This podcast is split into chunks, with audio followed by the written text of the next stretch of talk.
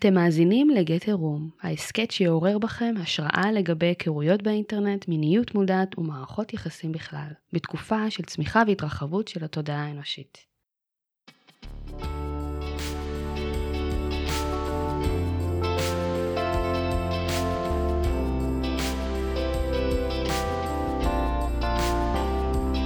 שלום, שלום וברוכים הבאים לפרק ה-34 של ההסכת Get a Room.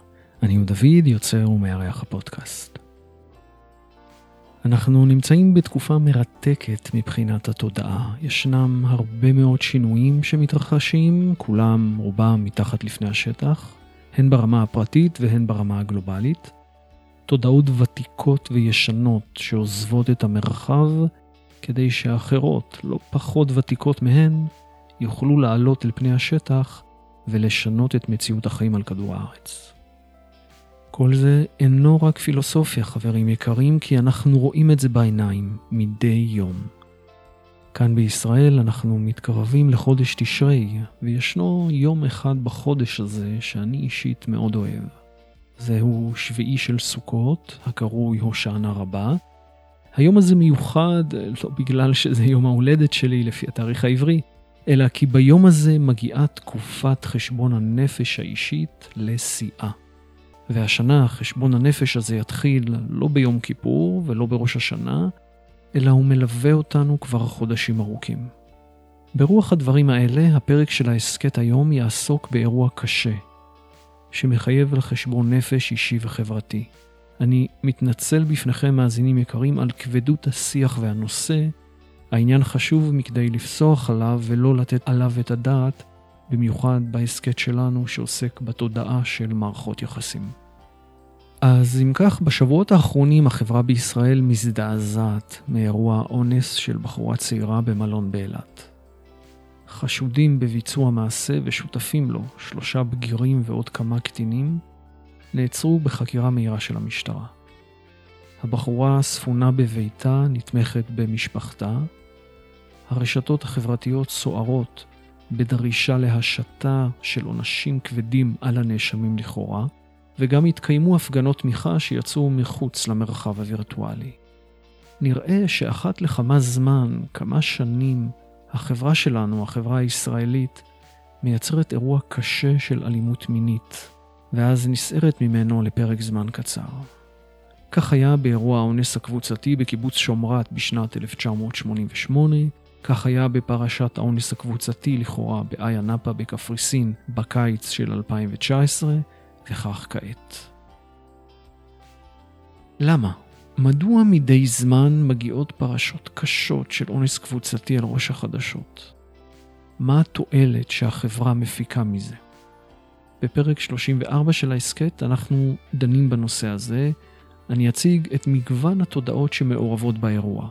כמו כן, אציע דרך פעולה לכל אחת מהן כדי להירפא, ולנו כחברה כדי להימנע מהצורך לייצר אירועים דומים בעתיד. ככל האפשר שתהיה האזנה נעימה, בואו נלך לחדר.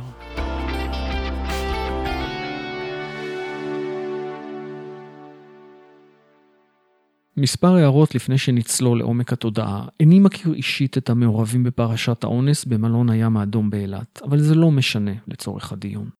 הערה שנייה היא שההתייחסות לחשודים היא שהם ביצעו את המעשים לכאורה. הם חפים מפשע כל עוד לא הוכחה אשמתם. אבל גם זה לא חשוב לצורך הדיון שלנו.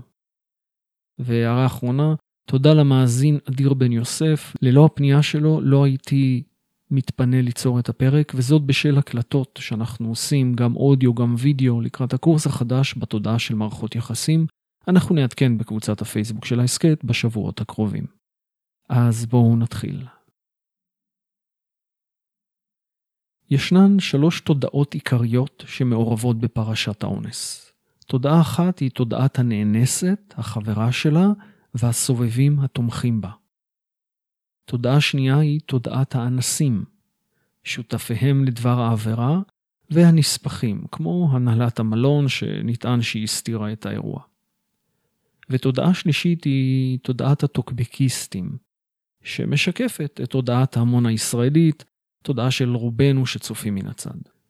בואו נכיר לעומק את שלוש התודעות האלו. אז הנאנסת וחברתה, שהייתה חסרת אונים ולא יכלה להושיע, משקפות תודעה קלאסית של קורבן.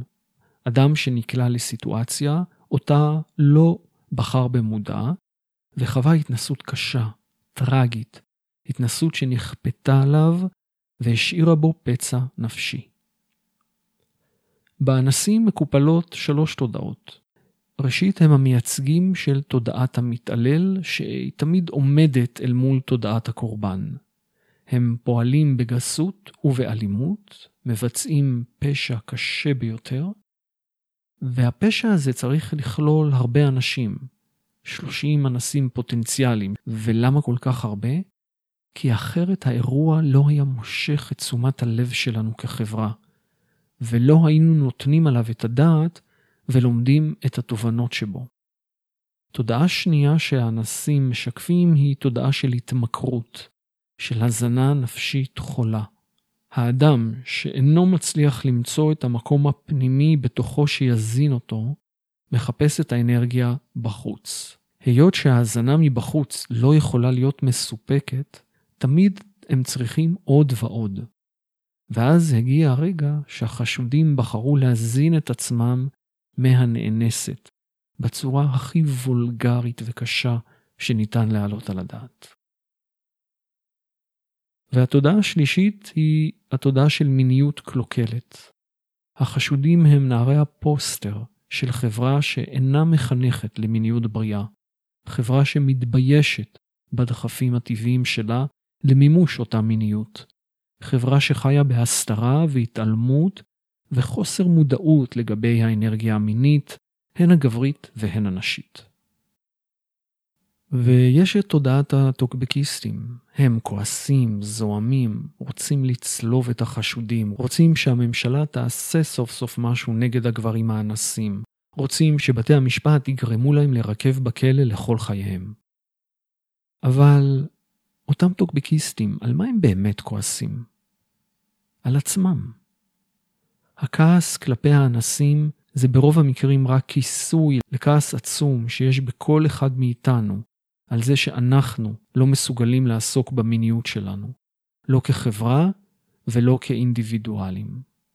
כעס על זה שאנחנו מתביישים ומרגישים אשמה, אפילו לדבר על מין עם בני ובנות הזוג שלנו.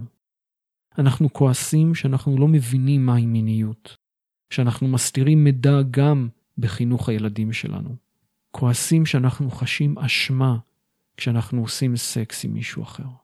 וכל הכעס הזה מנותב כלפי האנסים וכלפי הסוכנים החברתיים שלכאורה אחראים לביטחון שלנו. טוב, זה ברור, קל להפנות אצבע מאשימה החוצה.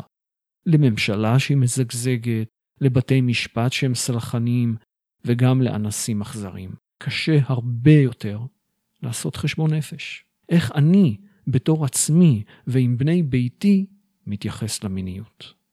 זה מזכיר לכם משהו אחר שקורה כבר חודשים מדי מוצאי שבת?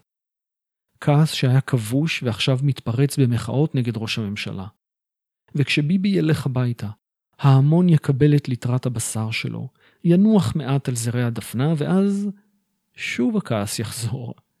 כי ההמון יבין שביבי לא היה הבעיה, אלא רק השיקוף. שיקוף של מה? שלנו, עצמנו, כחברה. ואז שוב הכל יכעסו. ואם נבחן שוב את התודעה שמאחורי אירוע האונס, אז אנחנו נראה שאנחנו כועסים גם על חברה שהיא מכורה. אנחנו כועסים על עצמנו, שאנחנו מכורים, ואנחנו מתביישים בהתמכרות הזאת. אנחנו לא יודעים איך לטפל בה, מה לעשות איתה, לאן להוליך אותה. אז בבוקר אנחנו נכנעים להתמכרות שלנו, ובערב יוצאים להפגין נגד האשם התורן. אז בטח אתם שואלים, מכורים למה? מכורים לסקס, מכורים לכוח, לכסף ולקורבנות. ראש ממשלה שחשוד בשחיתות משקף את החלק שבנו שמכור לכוח ולכסף. אנסים משקפים את החלק שבנו שמכור למין. הנאנסת האומללה משקפת את החלק שבנו שמכור לתחושת הקורבן, ולא לחינם אמרתי אומללה. כי זה מפתה ונעים להרגיש שהעולם נגדנו. זה גם קל יותר לחיות כך, כי אז אפשר לסמן אויב ולצאת נגדו למלחמה. אפילו שהוא בסוף מתגלה כתחנת רוח. אז האירוע הטרגי באילת קושר את כולנו, כל המעורבים, וגם אנחנו, אנשים שיושבים מהצד ולכאורה לא היינו מעורבים, כי תודעתית היינו. והשאלה עכשיו היא, לכל אחד ואחת מכם, איך אתם, איך אנחנו, יכולים להפיק מהאירוע הזה את התועלת הכי גדולה? תועלת אישית, ממוקדת, כי רק כאשר כל אחד יתרפא עם עצמו, יגיע מזור לחברה כולה, ואז לא נצטרך לעורר מתוכנו מעשי פלצות אלימים כל כך. אז זוהי דעתי לגבי מה נכון שיעשה. מבחינת הנאנסת, קל מאוד, מפתה מאוד, לקחת את הפוזיציה של הקורבן. אבל אתם יודעים מה סופו של כל קורבן? תחשבו על זה רגע, אנשים שם היו קורבנות. בסופו של דבר, מה נהיה מהם? מתעללים. סופו של כל קורבן להיות מתעלל בעצמו, ואז גם לקרבן אחרים. האם שאלתם את עצמכם למה קורה שנפגעי תקיפה מינית לא מצליחים להשתקם, חווים עוד פגיעות מיניות, או חיים שהם לא מתפקדים? בפגיעה מינית יש גזלה אלימה וברוטלית של אנרגיה. הנפגע או הנפגעת מרגישים חלשים מאוד, שהם לא יכלו לחסום את גנבת האנרגיה מהם. והפתרון שהם מוצאים, אם לא מדריכים ותומכים בהם, זה להחזיר לעצמם את תחושת הכוח והעוצמה האישיים, להזין את עצמם באנרגיה, ואיך? לא בהתכנסות פנימה, אלא ביציאה החוצה ופגיעה באחרים. והפגיעה הזו, בכך שהם הופכים למתעללים ומקרבנים, היא הדרך שלהם לקבל אנרגיה. הם גם פוגעים בעצמם. הם בכוונה הולכים ומתנסים, נגיד בהתנסויות מיניות, שבהם הם מרגישים שהם שולטים, הם אחראים על הגוף שלהם. וכך הם לוקחים אנרגיה מאותם אנשים, להם הם נותנים את המיניות שלהם. הם מרגישים כוח, כי זו הדרך להזין אנרגיה. זה כמו ששמעתי פעם חשפנית שמתארת למה היא אוהבת את העבודה שלה. כי היא מרגישה שהיא שולטת במיניות שלה. ולא הגברים שצופים בה שולטים, אלא היא אחראית לגוף שלה. היא יכולה לעשות איתו מה שהיא רוצה, ואם היא רוצה לה אז לחשוף אותו. וזו הדרך שלה לקבל אנרגיה מהסביבה. אין לה עדיין את היכולות להתכנס פנימה ולקבל ולהזין את עצמה מבפנים. וכך, אם אותה נאנסת נוצר מעגל של שוטים, שכל אחד פוגע ונפגע, קורבן ומתעלל, ואם רוצים באמת לעזור ולשקם את אותה בחורה, וכל הקרובים לה, כולל החברות והמשפחה, אז הדרך היא להאיר את עיניהם ולעודד אותה שלא לאמץ מנטליות של קורבן. לעודד גם את הסביבה שלה שלא להתייחס אליה כקורבן. לא להתפתות למלכודת הדבש של אני מסכנה. בעזרת הדרכה, בעזרת העצמה אישית, להוביל אותה למקום שבו היא תמצא בתוך עצמה את המקור לכוח שלה, לאנרגיה שלה, ותבין שהיא לא צריכה לפגוע באחרים כדי להזין את עצמה. אז היא תהיה חופשייה באמת מאירוע האונס הקשה. ואני בטוח שבשירותי הרווחה יש אנשים עם התודעה הזאת, והם כן יכולים לבוא אליה בגישה הזאת של לתמוך, להכיל, אבל את לא קורבן ואסור שתתייחסי אל עצמך כקורבן.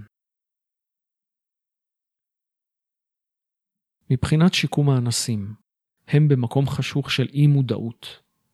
אותם בני נוער מהאירוע באיה נאפה נמצאים באותו מקום, ואני מקווה בשבילם שהם לא עברו לסדר היום, אלא עשו חשבון נפש רציני.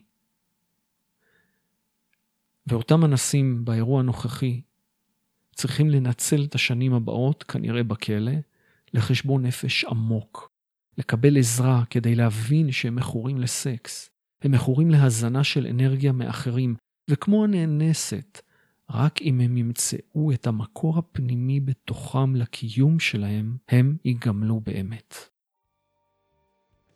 ואנחנו כחברה, בין אם אתם אדם פרטי ובין אם אתם אחד מקובעי המדיניות, שכל אחד מאיתנו יעשה חשבון נפש כדי להבין עד כמה אתם מכורים למין, לכסף ולכוח. עד כמה אתם מתביישים במיניות שלכם. עד כמה אתם קורבנות בחיים שלכם ובאיזה תחומים. עד כמה אתם מתעללים באחרים כדי לקבל מהם אנרגיה. זה אולי הדבר הכי קשה להבין, שאתם, אנחנו כולנו, מתעללים באנשים אחרים כדי לקחת מהם אנרגיה. וההתעללות לאו דווקא חייבת להיות גרנדיוזית באלימות פיזית או מילולית. יכולה להיעשות בצורה מאוד מאוד קטנה על זה שתובעים מהם את תשומת הלב. כן, כן, אתה חייב עכשיו להקשיב לי. והדרך הזאת היא פשוט לקחת מהם אנרגיה. ואחרי שביררנו לעצמנו את כל הדברים האלה, איך נוכל לחנך את הקרובים שלנו, התלמידים והקהילה שלנו, למיניות מודעת. אז אנחנו נמצאים ערב ראש השנה, הימים הנוראים. סוגיה שעולה אל תודעת ההמון היא הנסיעה לאומן, לקברו של הרבי נחמן. אני מודה שאיני אדם מקיים מצוות, אני גם לא מאמין ברבנים, אני בגישה של חייבת אין לחיות. ההמולה התקשורתית סביב אומן הביאה אותי ללמוד מעט על משנתו של רבי נחמן, ונהניתי לגלות שהוא הפציר באנשים לעשות תהליך אינדיבידואלי של צמיחה רוחנית. ידעתם שלחסידות ברסלב אין אדמו"ר, אין חצר, אין מקדש מעט?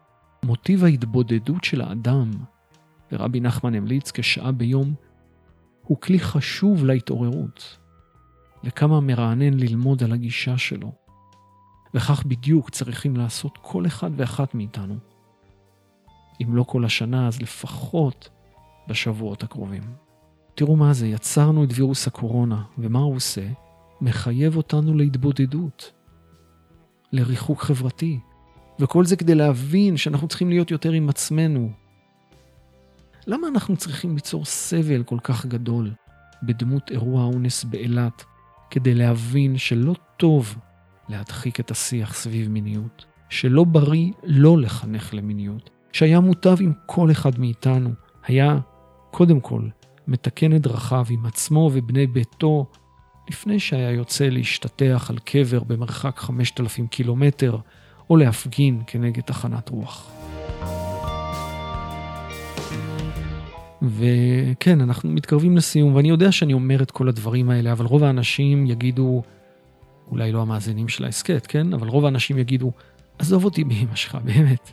אבל אם יהיה ולו אחד מהמאזינים שכתוצאה מהפרק היום ישכיל, יבין ויהיה מודע יותר אז אני מבחינתי דייני. אז סיימתי באזכור של פסח, אבל ראש השנה, סוכות והושענא רבה לפנינו. תקופה מרתקת של פוטנציאלים גדולים מאוד. נכון, לכולנו כאומה, אבל במיוחד לכל אחד ואחת מאיתנו כאנשים פרטיים.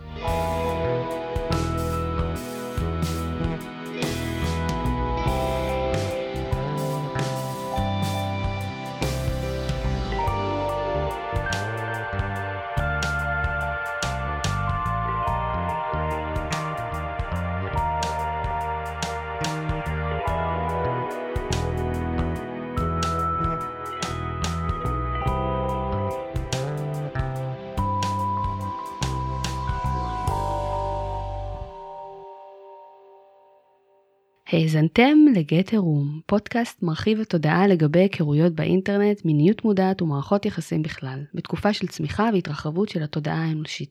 אם גם אתם רוצים שהקול הייחודי שלכם ייחשף לעולם, צרו קשר בקבוצת הפייסבוק שלנו או באתר. כל הכישורים בשואו נוטס.